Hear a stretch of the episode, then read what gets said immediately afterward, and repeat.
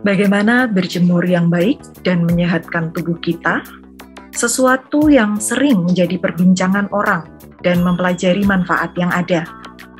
Tuhan sudah banyak memberikan fasilitas alam semesta guna kebaikan manusia. Salah satunya sumber cahaya matahari.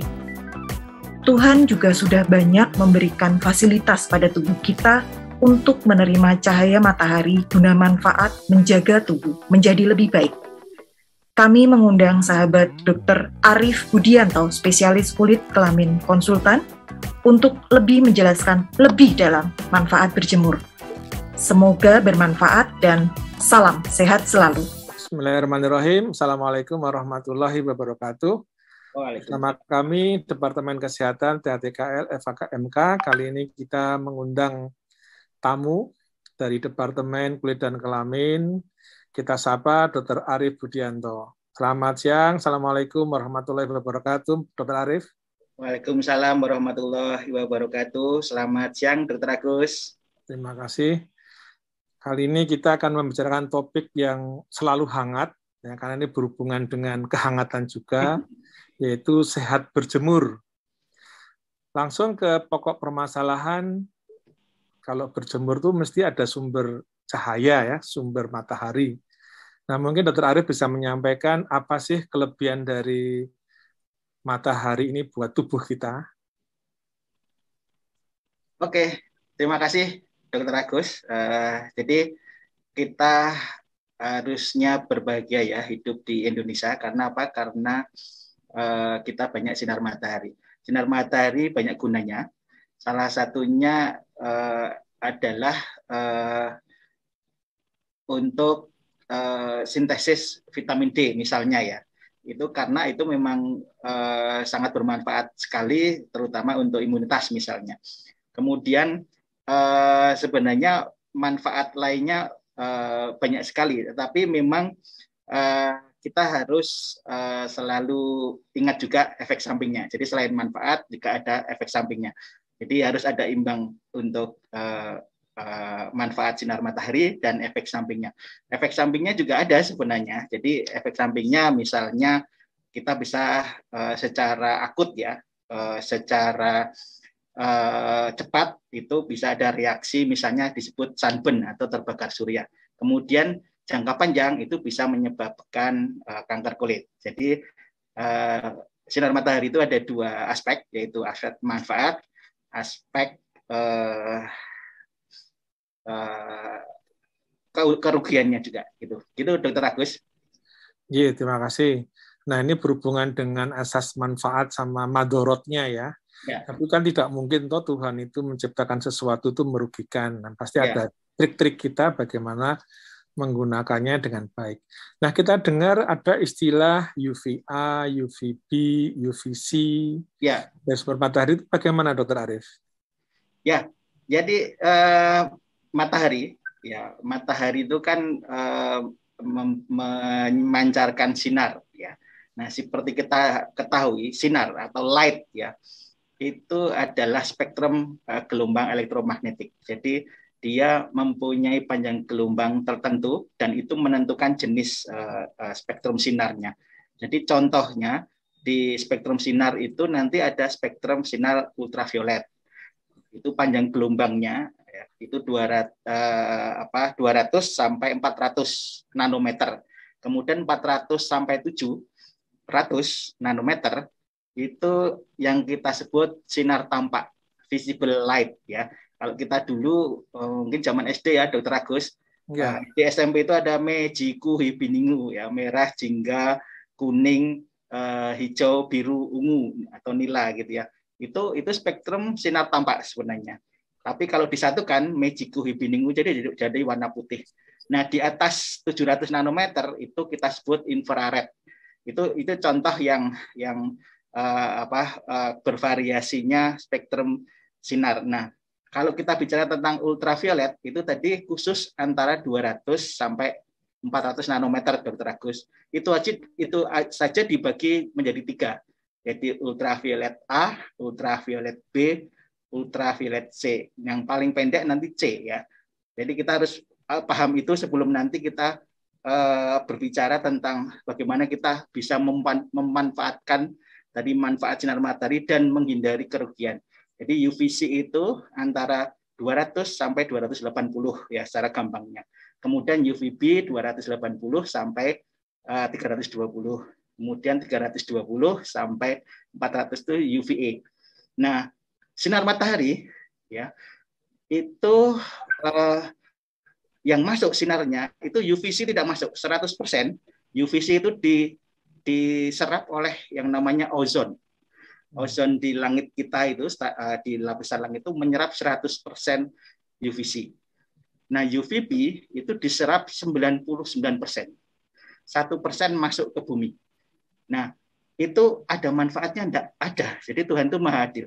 Uh, jadi mungkin Dokter Agus pengalaman juga melakukan uh, eh, PCR ya, Dokter Agus. Kalau kita ekstraksi DNA, ya. kalau RT-PCR ekstraksi RNA, ya itu untuk menghitung konsentrasi DNA RNA kita menggunakan alat yang disebut spektrofotometri ya, dok. Ya. Nah, itu panjang gelombangnya berapa?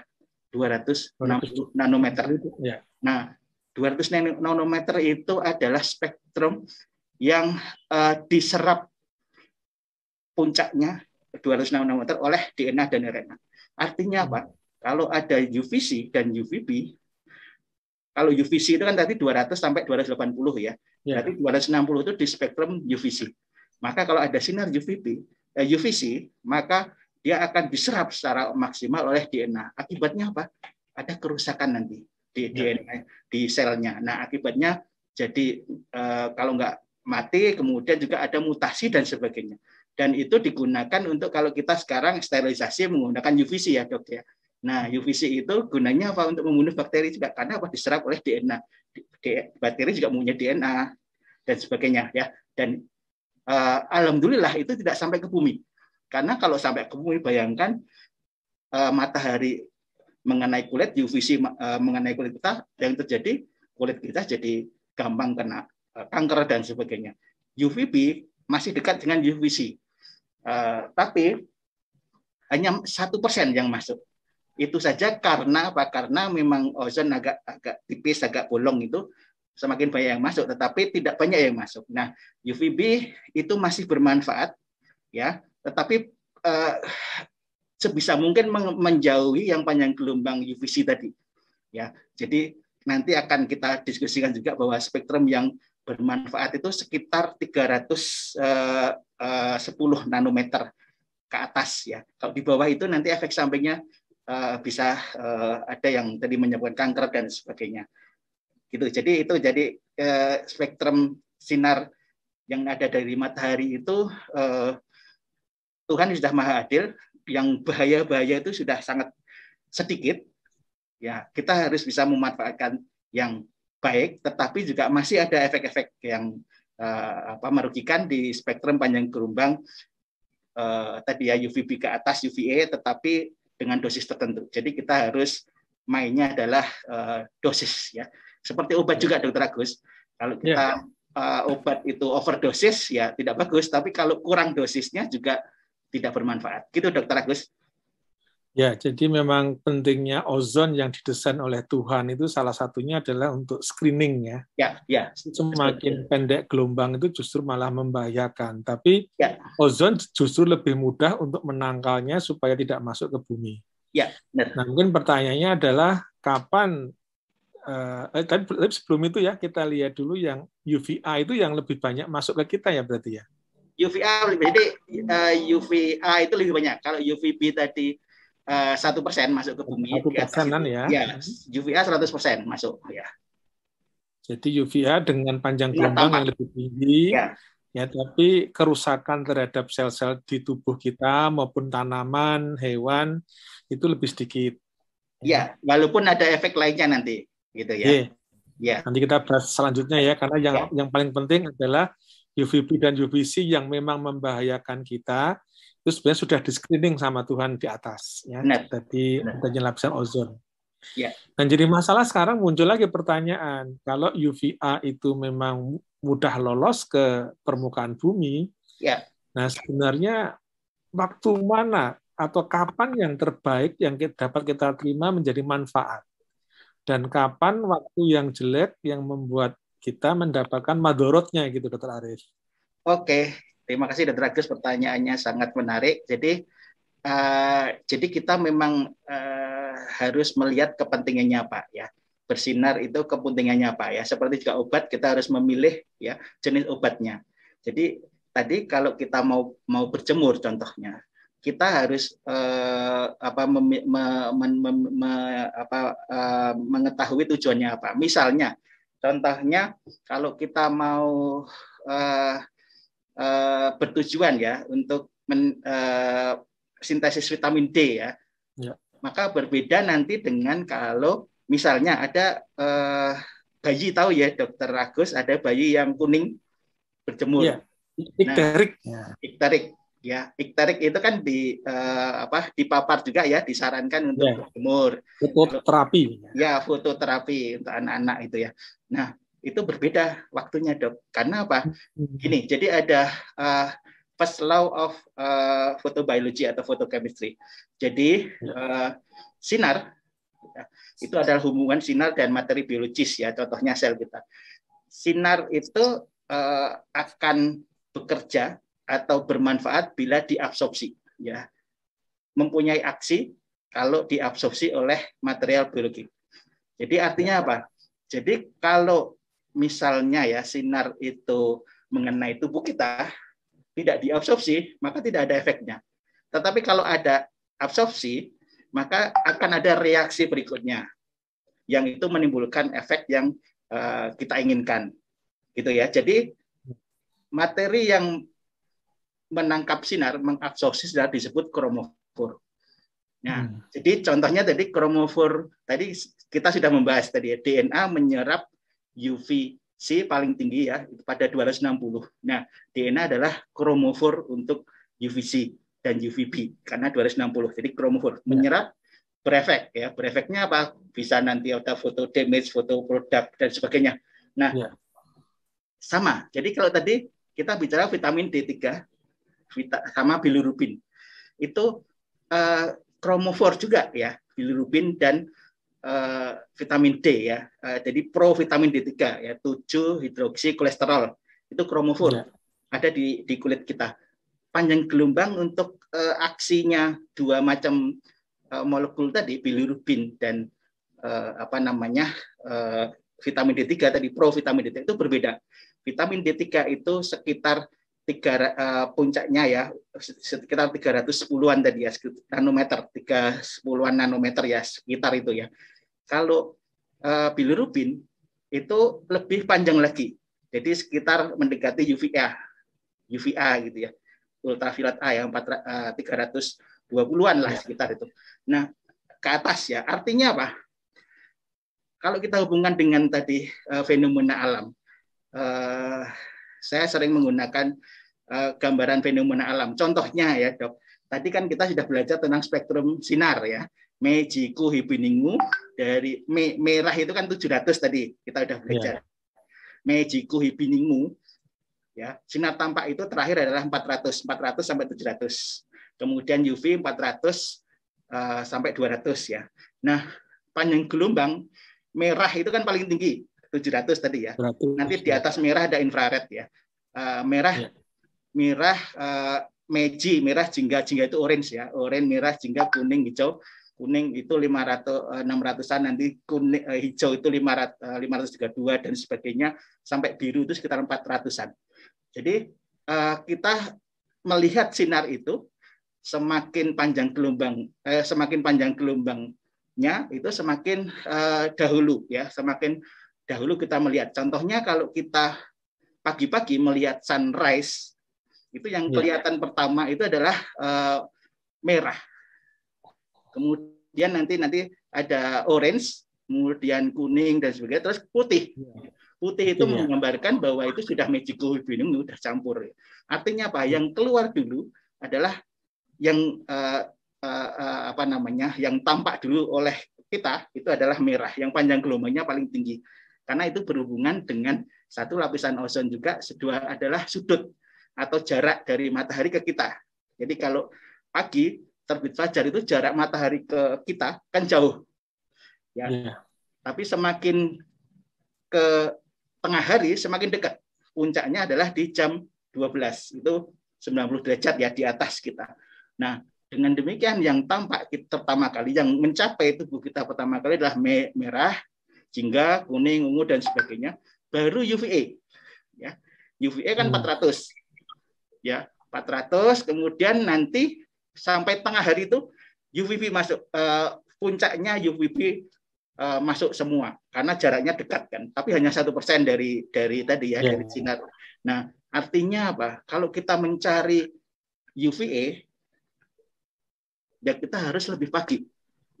Paham jadi hmm. terus ya yeah, yeah. kalau tadi kan magic biningu ya uh, nanti uh, pertama kali keluar itu UVA dulu. UVB belum Kemudian nanti UVB puncaknya semua kena, semuanya ada.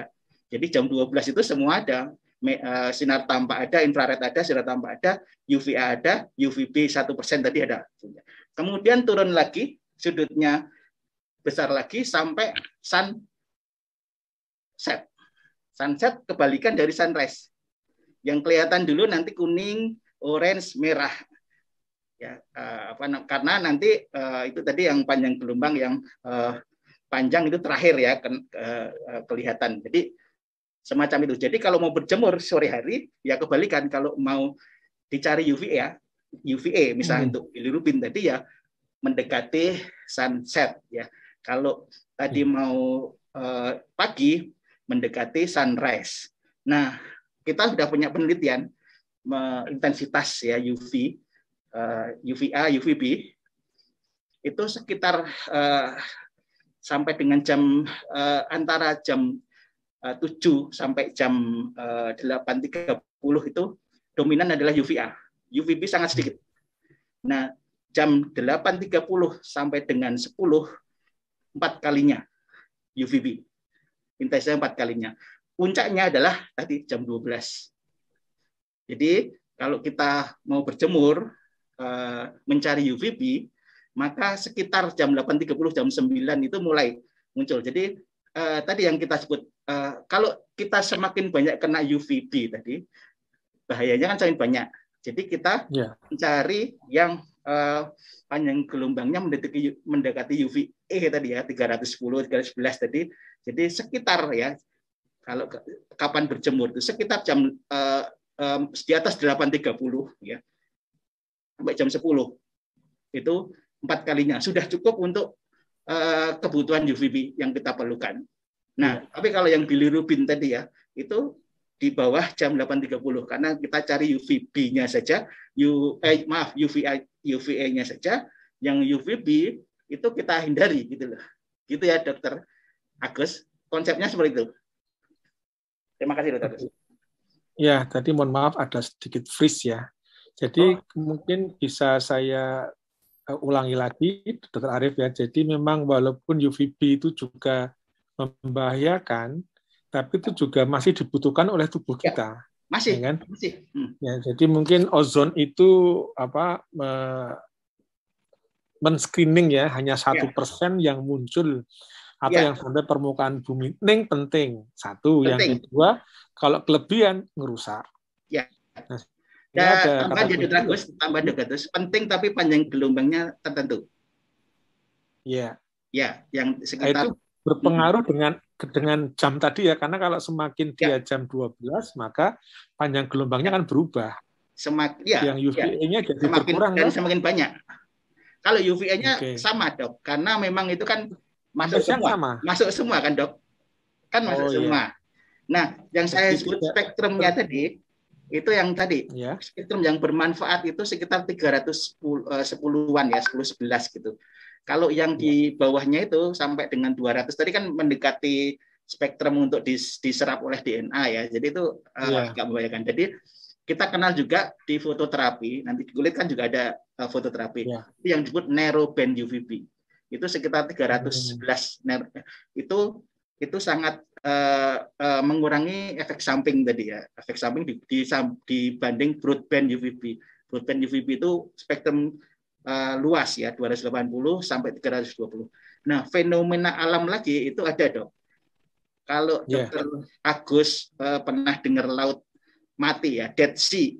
Iya, yeah. di daerah-daerah Timur Tengah sana. Di Dead Sea itu kenapa? Kalau di sana ada ada nganunya memang ada laut yang kadar garamnya sangat tinggi. Trace mineral sangat tinggi. Yeah. Tapi ada aspek yang menarik. Itu ada penelitian juga. Kenapa kok di sana kalau ada penyakit kulit berendam, berjemur bisa sembuh? Karena kita ketahui Dead Sea itu kedalamannya itu minus 400 di bawah permukaan laut, bukan di atas permukaan laut. Jadi dia itu di iya, bawah yeah. permukaan laut sebenarnya. Jadi artinya 400 meter di bawah permukaan laut. Artinya apa? Jadi matahari matahari itu tersaring secara alam.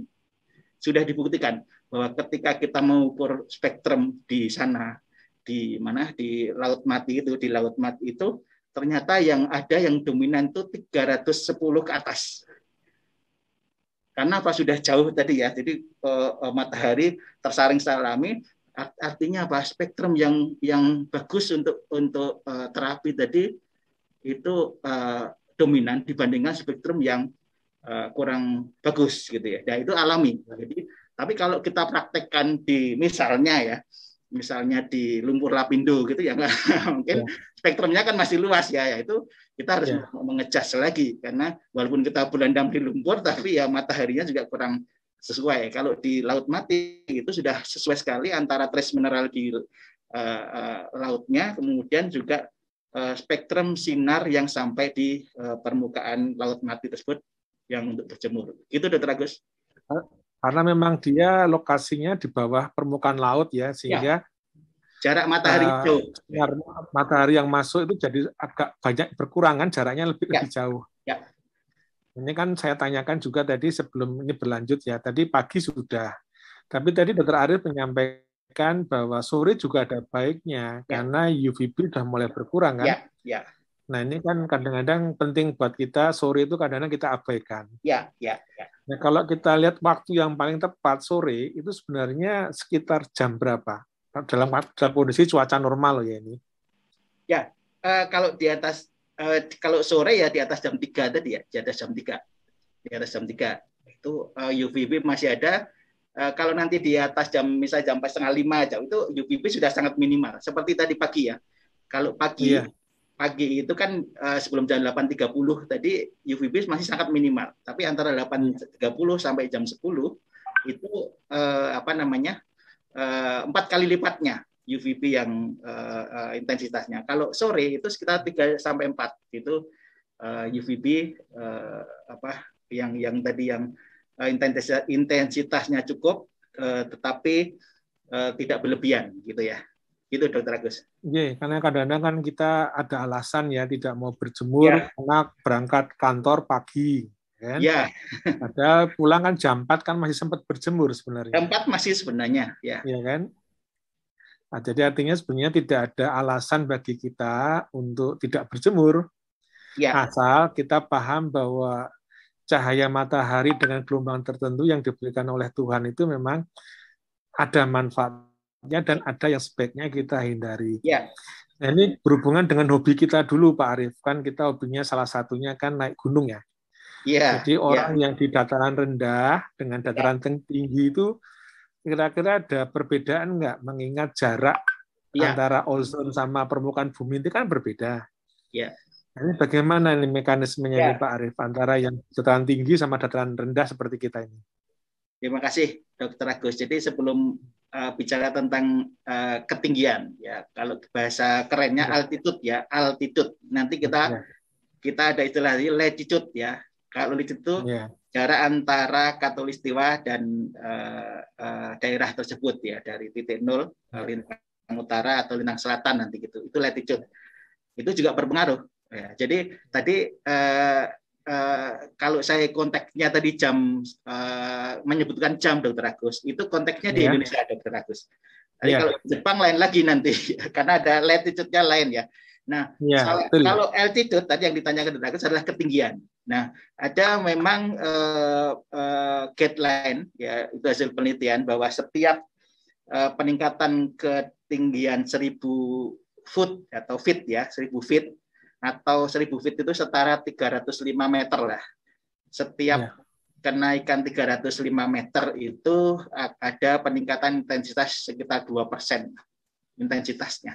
Hmm. Jadi artinya uh, uh, memang ketinggian itu mempengaruhi intensitas matahari. Karena apa? Memang jarak dari dari uh, matahari kalau semakin tinggi kita semakin dekat istilahnya. Jadi itu. Jadi dua persen peningkatan uh, setiap ketika kenaikan ketinggian 1000 feet atau 5, uh, 305 meter. Kita sudah pernah melakukan penelitian. Jadi tadi berdasarkan peningkatan tadi uh, referensi itu kita membuat tiga area, Dokter Agus. Uh, area apa namanya 0 sampai 300 meter itu kita ambil lokasi di uh, halaman Radi Putro di, di Fakultas Kedokteran Kesehatan Masyarakat dan Keperawatan itu ketinggiannya antara 0 sampai 300 itu mewakili itu. Kemudian 300 sampai 600 kita uh, mengambil di daerah Pakem. Kemudian 600 sampai 900 di daerah Kaliurang. Dan uh, memang intensitasnya uh, seperti disebut tadi berbeda, meningkat. Iya. Dan kita juga mengukur uh, yang namanya minimal erythemadosis, Dokter Agus. Jadi hmm. minimal erythemadosis itu adalah uh, dosis minimal untuk menimbulkan merah di kulit. Gampangannya gitu ya. Jadi tanda-tanda awal radang mungkin ya. Ya, itu semacam indikator, dokter. Jadi ya. semacam indikator bahwa warning. Contohnya nanti coba aja ya berjemur 20 menit misalnya atau berjemur 30 menit ya, di pantai Parangtritis nanti kita lihat ya. paginya gitu gosong atau enggak atau merah nah itu itu itu semacam itu dok jadi MED itu dihitung uh, 24 jam kemudian. Jadi kita lihat kemerahannya. Nah ketika kita bandingkan antara ya tadi MED MED itu minimal erythemadosis itu untuk indikator uh, bahwa setelah uh, lebih dari itu bahaya gitu. Tadi bisa uh, apa namanya uh, nanti bahkan terbakar. Kalau jangka panjang eh, bisa ada kanker kulit kalau itu terus ya. Nah, kita fototerapi pun kita tadi itu dasarnya adalah MED. Jadi kita menggunakan 50 sampai 70 persen MED untuk memulai fototerapi. Artinya apa? Kita tidak boleh melebihi MED itu.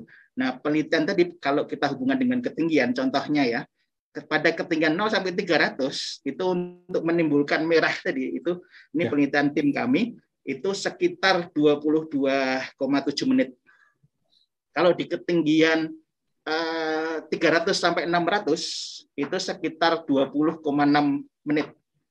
Di, Berarti lebih pendek waktunya paparan ya? Ya artinya apa? Artinya tesnya lebih tinggi kan. Ya. Kemudian ya. 600 sampai 900 itu sekitar 18,2 menit. Jadi tapi kan kalau kita wes uh, apa namanya ya mungkin di rata-rata aja ya rata-rata kita berjemur jangan lebih dari 20 menit gitu aja ya dok ya soalnya ya. Uh, itu jadi uh, itu di area Jogja ya tapi nanti ya. mungkin karena Indonesia itu kan memang di uh, apa dekat dengan kata katulistiwa ya ya rata-rata sekitar segitulah uh, dan ya. tipe kulit empat ya tipe kulit empat itu seperti saya jadi uh, coklat gitu ya coklat uh, uh, itu uh, waktunya segitu dok. Jadi artinya ya. tadi ada ada hubungannya ketinggian dan uh, intensitas. Tetapi kalau sampai 900 tadi uh, memang kalau dihitung tadi ya sekitar 10 persen ya. dok. Kalau yang MED-nya tadi ya. butuh butuh butuh lama waktunya. Tapi kalau misalnya ya misalnya kita dulu pernah di Nagano ya dokter dokter ya. Agus itu kan ketinggiannya berapa itu ya 3000 kan itu kan sudah nah itu mungkin berpengaruh banget dok uh, anunya dok ya. apa namanya Nah, tapi kan kalau di daerah-daerah yang ketinggian yang banyak saljunya itu kan mataharinya juga jauh tuh dok. Ya, jadi mungkin yeah. itu beda lagi dok. Konteksnya beda lagi. Kecuali kalau yeah. di daerah Jogja misalnya ada gunung yang ketinggiannya 4.000 eh, meter gitu ya. Nah itu mungkin berpengaruh banget dok untuk uh, apa uh, uh, intensitasnya tadi. Tapi kalau secara iya. umum dua persen ya kenaikan intensitas setiap kenaikan 305 meter itu dok. Ya, jadi ini suatu kebalikan dengan fenomena yang ada di Laut Mati ya. Dia semakin ya. ke bawah, maka jaraknya semakin jauh. Kemudian di kita, satu sisi kan kita punya kelebihan nih. Apa pun, di mana pun jaraknya matahari, kan tidak jauh-jauh dari katulistiwa. Ya, ya. Itu sebenarnya kan anugerah buat kita ya. Anugerah. ya, kan ada dibandingkan cerita. Ya. ya. Ada cerita dibandingkan kalau ya. Ah, monggo monggo. Ya, jadi dibandingkan kalau kita misalnya di daerah yang utara, ya daerah dekat kutub utara maupun kutub selatan itu kan tentu akan memberikan dampak kesehatan yang sangat kurang ya.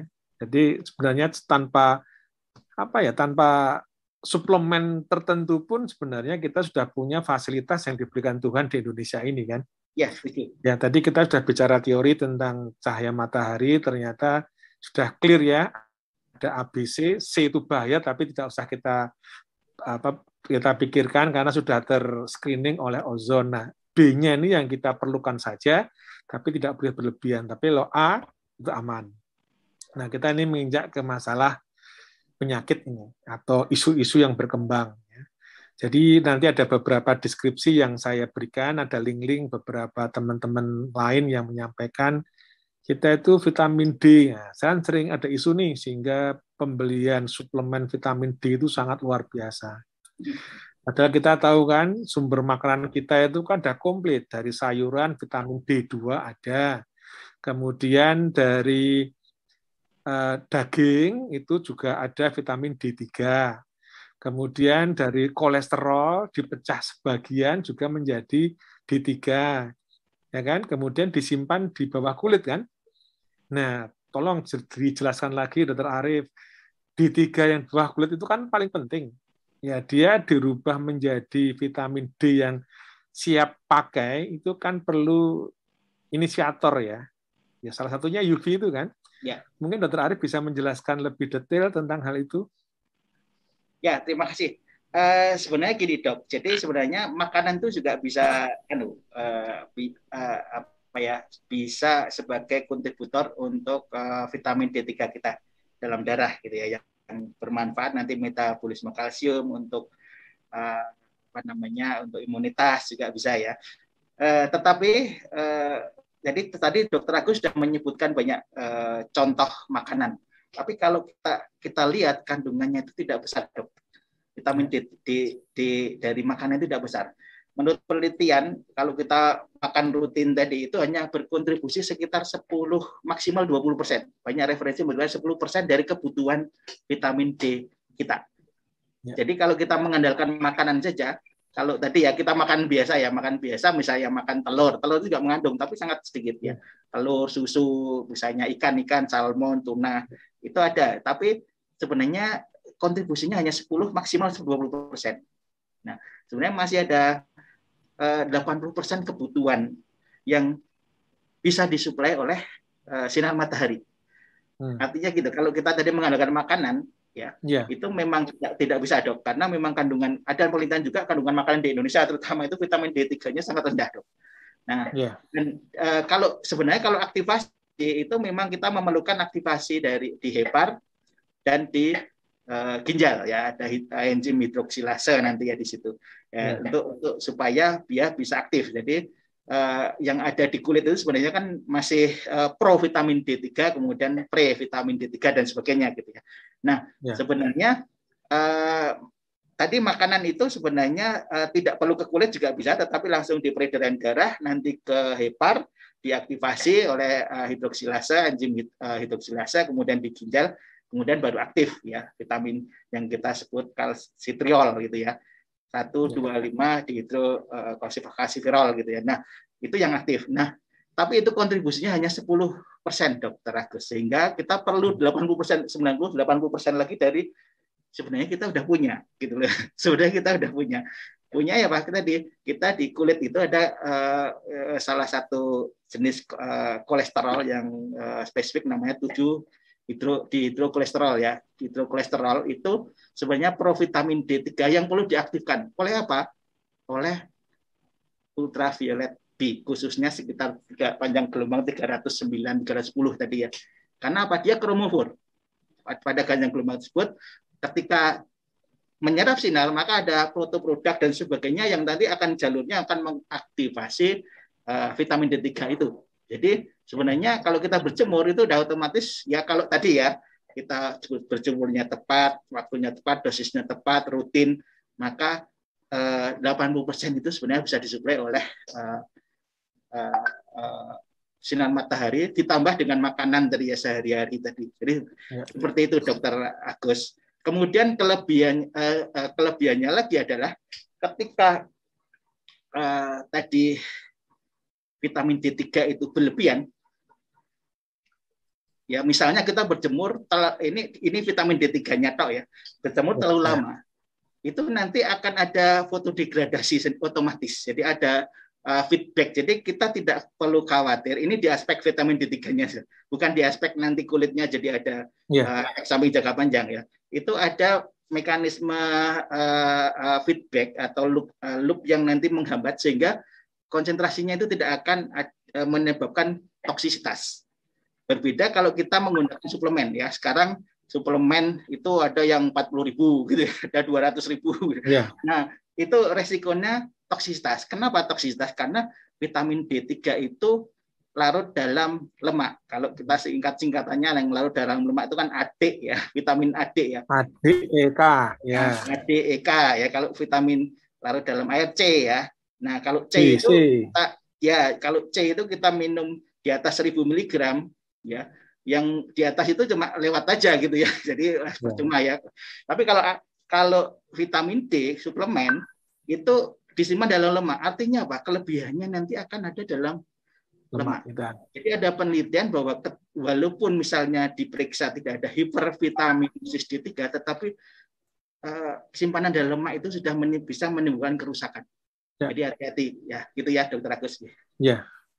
Ini kan suatu isu yang sering digembor-gemborkan ya, terutama di media sosial sehingga zaman COVID ini, pandemi ini, konsumsi itu kadang-kadang kita berlebihan. Tapi ada satu kata kunci yang disampaikan Dr. Arif tadi adalah mekanisme homeostasis dari kelebihan vitamin D3 tadi ya, ternyata dia tidak menjadi akumulasi tapi ya. bisa terdegradasi. Ya, sehingga kan dia bisa ya, diekspresikan ya. dengan lebih baik kan. Nah, ini juga suatu kelebihan Tuhan sendiri bagaimana tubuh kita bisa terjaga. Nah ini ada ya. lagi isu yang menarik ini. Ini kebetulan kita itu kan berkulit sawo matang cenderung gelap ya. ya. ada orang sawo yang... sawo matang ini agak gosong sedikit ini ya. Jadi ada orang yang kulitnya putih, ada orang dengan kulitnya kuning. Nanti kadang-kadang ada isu takut hitam satu, yang kedua bahwa paparan UV yang masuk ke bawah kulit kita antara orang kulit putih dengan kulitnya sawo matang itu ada sedikit perbedaan lama waktu ya. Hmm. Gimana penjelasannya itu Dokter Arif? Uh, jadi gini, jadi kalau uh, di dermatologi itu uh, pembagian tipe kulit itu tidak enam dokter Agus, ya. berdasarkan uh, kalau kita uh, istilahnya Mbah Fitzpatrick ya, hmm. Fitzpatrick itu membagi kulit ya tipe kulit di dunia ini berarti enam, satu sampai enam. Kalau secara ekstrim satu itu adalah dia gampang terbakar, tapi hmm. sangat sangat uh, sulit atau bahkan tidak terjadi tanning. Tanning itu hitam yang memang hitam. Hmm. Tapi dia gampang terbakar. Contohnya orang-orang Mediterranean ya yang matanya merah, rambutnya pirang-pirang. Yeah. Coba kalau berjemur di Parangtritis itu, wah udah langsung uh, merah kayak udang rebus gitu ya. Yeah. Itu tipe kulit satu. Nah, tipe kulit enam, ya, kenapa tipe kulit satu itu seperti itu? Karena uh, jenis melanosomnya berbeda. Ya, jadi uh, melanosom itu uh, apa namanya mengandung melanin yang itu akan menyerap sinar matahari gitu ya itu sangat sangat uh, apa pelindungan untuk diserap ya matahari tadi akan sangat gampang masuk ke sel yeah. ke, ke inti sel ya yeah. nah kalau tipe kulit enam ya uh, itu cirinya adalah tidak mudah terbakar, bahkan tidak terbakar, tetapi sangat mudah tanning.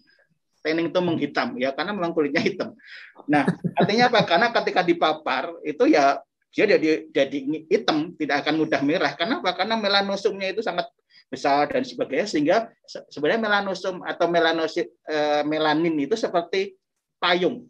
Jadi kalau kita ada matahari kita eh, membuka payung itu akan eh, terhindar dari matahari sama itu. Jadi fungsinya melanosit melanin itu adalah dia akan melindungi sel inti sel kita, sel atau inti sel kita dari apa namanya efek buruk sinar matahari terutama ultraviolet tadi. Nah, artinya apa? Kalau kulit tipe 6 itu sangat sangat terlindungi dari sinar matahari. Kalau kulit satu itu sangat tidak terlindungi dari matahari. Faktanya prevalensi insidensi kanker kulit itu banyak di tipe kulit satu tadi ya. Hmm. Nah, kenapa? Karena tadi memang langsung kena kalau ada sinar matahari mau kena mata kena sel kita langsung dia akan ke inti sel ya ke ke inti sel tadi ya diserap oleh uh, eh, DNA ya, dan sebagainya. Nah kita kita itu sebenarnya di yang uh, harusnya sangat bersyukur dokter Agus. Ya. Yeah. yang dokter Agus tipe kulit sawo sawo matang ya. Kalau saya agak bosok sedikit gitu ya. Jadi tipe tipe tiga itu gampangannya ya. Tipe kulit tiga itu ras uh, uh, Jepang Korea itu kan tipe kulit tiga. Yeah. Kalau kita empat itu ya empat ya. Kalau lima itu agak lebih gelap lagi. Uh, kalau saudara di, kita di Papua misalnya, kemudian nanti negro, negroid Afrika ya. Afrika yang keling ya. Kalau India keling itu yang enam. Jadi kalau kita tuh empat sekitar empat. Kalau Indonesia mungkin tiga empat ya. Nah, ada ada ras yang Chinese, ada Jepang gitu itu itu tiga ya. Sebenarnya itu kan di tengah dokter Agus. Ya. ya. Uh, sebenarnya kalau ini juga ke saya nggak diskriminasi ya. Uh, kalau yang putih ya, ya uh, kalau sekarang kecantikan itu ibaratnya uh, simbolnya putih ya. Jadi uh, tapi Ya. proteksinya yeah. sangat minimal dok. Yeah. Tapi kalau kulit hitam proteksinya sangat maksimal, tapi mungkin dianggap kurang cantik tadi ya. Nah yeah. kita itu sudah dua-duanya ada dok, proteksinya ada, cantik. Kenapa harus diputihkan lagi gitu kan dok ya? Yeah. nah eh, itu jadi artinya tadi bagaimana sinar itu sampai ke kulit tergantung tipe kulitnya. Jadi kalau tipe kulit kita itu kenapa kok kita kalau berjemur itu menghitam, yeah. gelap gitu ya. Itu karena memang itu sebenarnya respon tubuh kita untuk melindungi uh, supaya mata uh, sinar matahari terutama ultraviolet D itu tidak masuk uh, mengganggu uh, inti sel kita atau sel uh, apa uh, sel kita sehingga menimbulkan kerusakan lebih lanjut kalau dosisnya berlebihan tadi. Jadi memang seperti itu dok. Jadi uh, ada mekanisme pertahanan tubuh menggunakan tanning tadi Ya. Tapi kalau yang tipe kulit satu itu memang sangat minimal sehingga jadi seperti udang rebus kalau ter, ter itu dok. Iya. Ya, jadi kita tidak perlu kurang percaya diri ya dengan menghadapi seperti ini. Ternyata kan pertahanan tubuh itu baik dan adanya kehitaman itu kan sebenarnya sebagai landmark ya landmark kita ya. untuk kita mungkin segera berhenti dari berjemur lebih baik frekuensinya yang ditingkatkan dibandingkan durasi yang terlalu lama. Ya, Jadi ada indikator ya. Jadi Allah itu sudah memberikan indikator banyak hal di kita, posisi kita juga nyaman, jenis kulitnya yang nyaman. Hanya kadang-kadang model itu justru bukan diambil dari artis kita, justru artis yang di daerah utara Katulistiwa sana. Ya. ya. Jadi mas itu bagus. Ya. Padahal mayoritas eh, penduduk atau populasi Indonesia tidak seperti itu ya dok ya. Iya. Ya, ini jadi ada kata kunci tadi, ada sumber dari UV yang baik bagi kita, kemudian jarak UV dengan kita, waktu yang baik, kemudian ada tipikal kulit kita yang kita bagi 1 sampai 6 tadi dan di kita mungkin 45 gitu ya. Ya mungkin ada sebagian tiga, yang ada tiga yang secara Chinese, evolusi mungkin dari teman-teman yang di daerah utara. Nah yang terakhir ini Pak Arief, ya, tadi ada suatu ketakutan juga bahwa kalau banyak berjemur nanti satu menyebabkan kerusakan kulit dari yang ringan, yang paling berat adalah suatu keganasan di kulit. Ya. ya. Walaupun mungkin jumlahnya juga tidak terlalu banyak ya, tapi momok ini menjadi lebih berat, terutama pada, mohon maaf, misalnya pada para wanita, karena akan merusak estetika dari mereka. Nah, apa yang sebaiknya kita perhatikan sebelum terjadi kerusakan yang lebih masif. Jadi kita berpikir ke arah preventif ya. Jadi jangan rusak dulu baru kontrol ke dokter, tapi preventif itu penting. Nah, kira-kira ada kiat-kiat tertentu untuk seperti itu, Dokter Arif? Ya, eh, jadi tadi ya kalau kita eh, hubungan dengan sinar matahari, ya tadi kita memang harus eh, apa ya men menyeimbangkan ya. Menyeimbangkan itu artinya apa? Antara eh, biasanya yang sekarang ini mah eh, memang kesannya adalah takut matahari, dokter. Ya. dokter Agus. Sehingga pelindungannya ya udah istilahnya bahasa Jawanya burukut gitu ya. Sunscreennya yang SPF 50 ke atas dan sebagainya. Kemudian uh, menggunakan pakaian yang memang uh, tertutup ya. sekali. Nah, sebenarnya itu itu secara alamiah uh, tidak menguntungkan ya, walaupun uh, memang menghindari efek efek samping tadi ya. ya. Tapi sebenarnya uh, tadi jangan berlebihan ya. Misalnya tadi kalau misalnya sarannya ya tetap kita uh, disarankan kena sinar matahari, tetapi memang tadi frekuensinya misalnya, misalnya seminggu uh, cukup 2 sampai tiga kali. Jadi jamnya sudah ya antara jam 9 10 ya. misalnya. Kemudian uh, waktunya ya uh, kalau di Perdoski sendiri itu ada ada sudah ada ada ada anunya ada imbu apa ya sudah ada pedomannya. Jadi berjemur uh, sekitar jam 9 10 gitu ya itu ya. lima menit dulu misalnya. Kemudian nanti ditingkatkan maksimal 15 menit gitu ya. Itu jadi seperti itu tetap ya saran kita adalah tetap matahari itu diperlukan. Tetapi ya. memang jangan berlebihan. Artinya jangan berlebihan terus uh, apa uh, tidak ada proteksinya karena faktanya memang efek samping jangka panjang ya. itu uh, bisa menimbulkan tadi ya sebenarnya ada aspek yang kanker kanker kulit. Ya.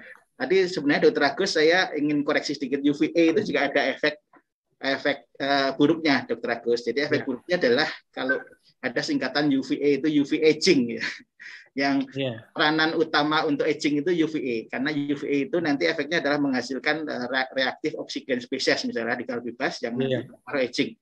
Jadi uh, uh, ada namanya photo aging. Photo aging itu uh, apa namanya uh, penuaan dini istilahnya. Jadi uh, tua sebelum waktunya gitu. Jadi kalau misalnya umur 40 tahun uh, sebenarnya kerutannya itu harusnya masih tipis, ini sudah banyak sudah sudah lebih dalam dan sebagainya. Jadi itu tanda-tandanya gitu. Jadi tanda tangannya adalah uh, uh, apa namanya uh, satu misalnya ada tadi ya kerutan yang yang tidak semestinya ya tambah banyak. Yeah. Uh, kemudian juga ada tekstur kulit tadi yang lebih kasar dan sebagainya. Ya. Kemudian ada mungkin ada bercak-bercak, ada not, apa ya namanya spot-spot ya. Nanti ya. biasanya yeah. karena paparan matahari berlebihan itu ada uh, misalnya ada lentigonya itu ada atau flek-flek ya istilahnya flek-flek. Yeah. hitam ada bisa lentigo ada sporokeratosis ada uh, apa namanya uh, yang lainnya. Yang itu nanti uh, tergantung ya dok. Ada juga uh, kalau misalnya misalnya ya ini ada ada cerita lucu ya kalau misalnya kalau di Jogja itu kalau tinggal di Bantul itu ya kalau zaman dulu ya kalau tinggal di Bantul itu kan kerjanya di Jogja misalnya di kota. Itu yang terpapar iya. matahari pipis sebelah kanan dok. Kalau pulang sebelah kiri. yang terba terbakar juga kanan. Yang yang oh ya karena balik ya. Ya nah itu akan berbeda dok. Pipi yeah. kanan dan kiri flek-fleknya itu lebih banyak yang iya. kanan. Itu yeah. dan itu ada ada juga uh, publikasinya ada di jurnal yang sangat prestisius. Itu supir truk di suatu negara Eropa itu kanan dan kiri itu lain dok. Ada tadi kerutannya lain dengan kiri. Karena dia supir truk eh, yang terpapar di sebelah kalau kalau yang di jurnal itu sebelah kiri terus gitu. Sehingga itu juga bisa menandakan jadi ada bercak-bercak yang eh, semakin tambah banyak. Kemudian juga eh, tadi kerutan-kerutan yang semakin dalam cepat gitu ya. Itu kita harus hati-hati bahwa oh kemungkinan paparan matahari terlalu berlebihan. Bagaimana caranya menghindari itu? Ya proteksi misalnya dengan uh, tabir surya, tapi juga jangan berlebihan, Dokter Agus. Tabir surya yeah. itu di, di Indonesia SPF 30 aja sudah cukup sebenarnya. Karena yeah. di atas 30 itu, uh, misalnya 30 itu proteksinya 95 persen, eh, 92 persen.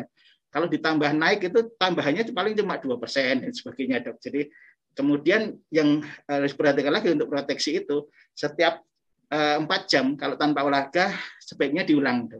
Jadi kalau kita terpapar terus kena matahari lebih dari empat jam sebaiknya di ulang lagi pemakaian sunblock dan sebagainya. Itu dok untuk untuk pencegahannya.